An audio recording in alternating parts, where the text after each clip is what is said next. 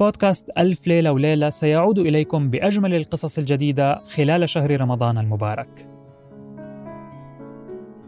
إلى حينه ننشر لكم حلقات من الأرشيف قد تكون فاتتكم. أتمنى لكم حسن الاستماع ولا تنسوا الاشتراك أينما تستمعون لنا كي يصلكم كل جديد.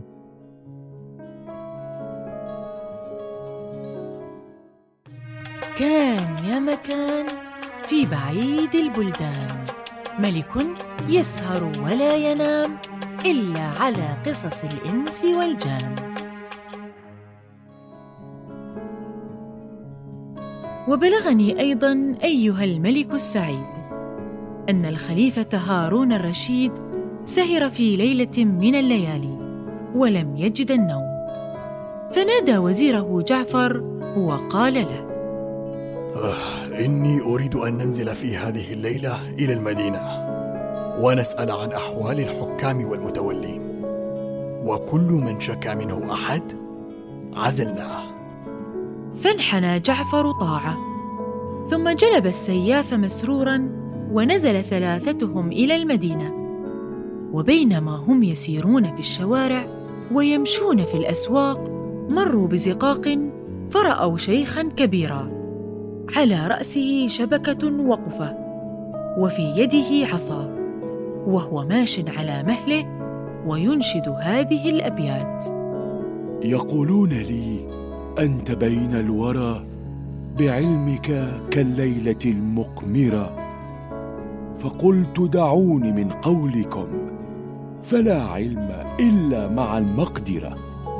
فلو رهنوني وعلمي معي وكل الدفاتر والمحبرة على فوت يوم لما أدركوا قبول الرهان إلى الآخرة. فأما الفقير وحال الفقير وعيش الفقير فما أكدره وفي الصيف يعجز عن قوته وفي البرد يدفى على المجمرة تليه الكلاب إذا ما مشى وأي لئيم ولن ينهره إذا ما شكا حاله لامرئ وبين عذرا فلن يعذره. إذا كان هذا حياة الفقير فأصلح ما كان في المقبرة. فلما سمع الخليفة إنشاده قال لجعفر انظر هذا الرجل الفقير وانظر هذا الشعر فإنه يدل على احتياجه. ثم إن الخليفة تقدم إليه وقال له يا شيخ ما حرفتك؟ يا سيدي أنا صياد وعندي عائلة وخرجت من بيت من نصف النهار إلى هذا الوقت ولم يقسم الله لي شيئا أقوت به عيالي وقد كرهت نفسي وتمنيت الموت هل لك أن ترجع معنا إلى البحر وتقف على شاطئ الدجلة وترمي شبكتك على بختي؟ وكلما طلع اشتريته منك بمئة دينار. ففرح الرجل لما سمع هذا الكلام وقال نعم على رأسي أرجع معكم. ثم إن الصياد رجع إلى البحر ورمى شبكته. وصبر عليها. ثم إنه جذب الخيط وجر الشبكة إليه. فطلع في الشبكة صندوق مقفول ثقيل الوزن.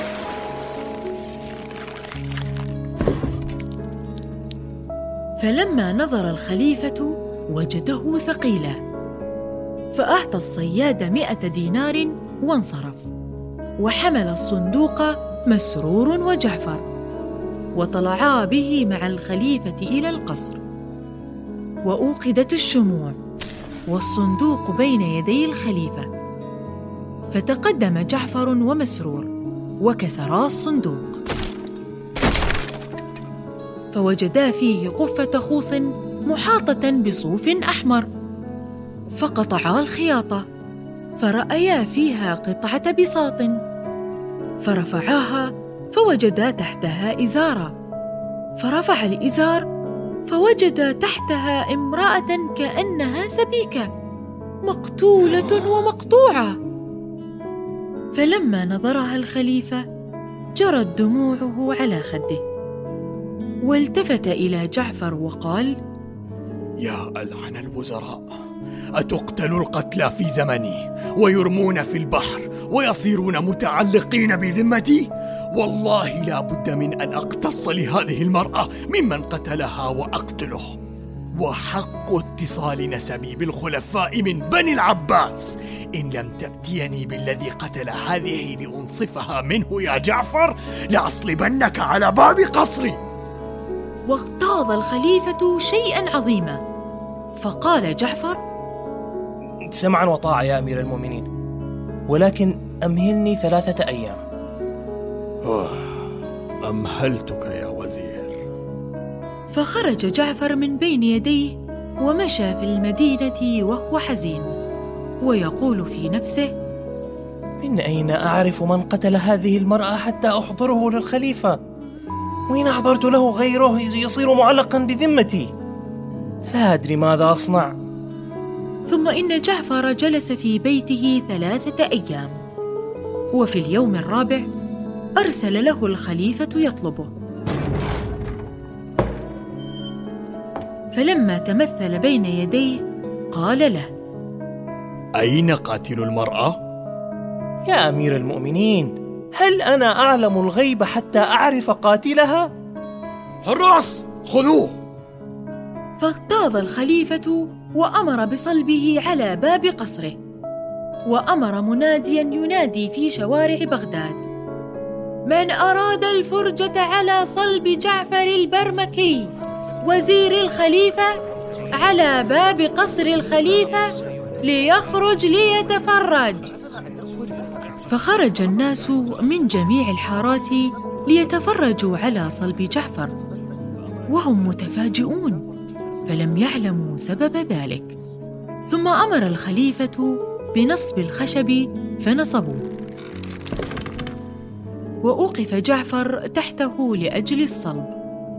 وصار الكل ينتظر الإذن من الخليفة الذي وقف أمام المتجمعين وقال وجدنا منذ بعض الأيام امرأة مقتولة ومخبأة في صندوق في الدجلة فلا بد أن أقتص لها فمقتلها معلق بذمتي. وكلفت وزيري جعفرا بإيجاد القاتل. ولكنه فشل فسيصلب هو ويقتص لها. فصار الخلق يتباكون على جعفر وبينما هم كذلك وإذا بشاب حسن النقي الأثواب يمشي بين الناس مسرعا إلى أن وقف بين يدي الوزير وقال له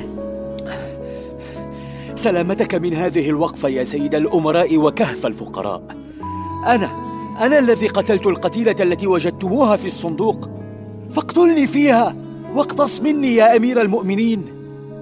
فلما سمع جعفر كلام الشاب وما أبداه من الخطاب فرح بخلاص نفسه وحزن على الشاب.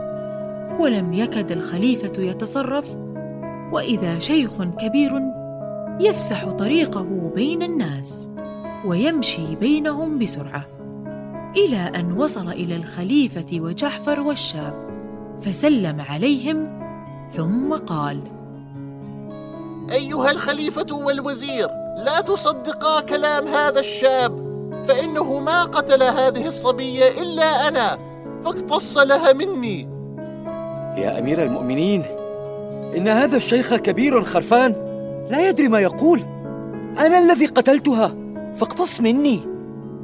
فقال الشيخ للشاب يا ولدي أنت صغير تشتهي الدنيا وأنا كبير شبعت من الدنيا وأنا أفديك وأفدي الوزير وما قتل الصبية إلا أنا فبالله عليك أن تعجل بالاقتصاص مني. فلما نظر الخليفة وجعفر إلى ذلك الأمر تعجبا منه فأخذا الشاب والشيخ وطلعا إلى قصر الخليفة. فجلس الخليفة إلى معشره وعلى جانبيه جعفر ومسرور ونظر إلى الشيخ والشاب وقال صبري على وشك النفاذ من منكما قتل المرأة؟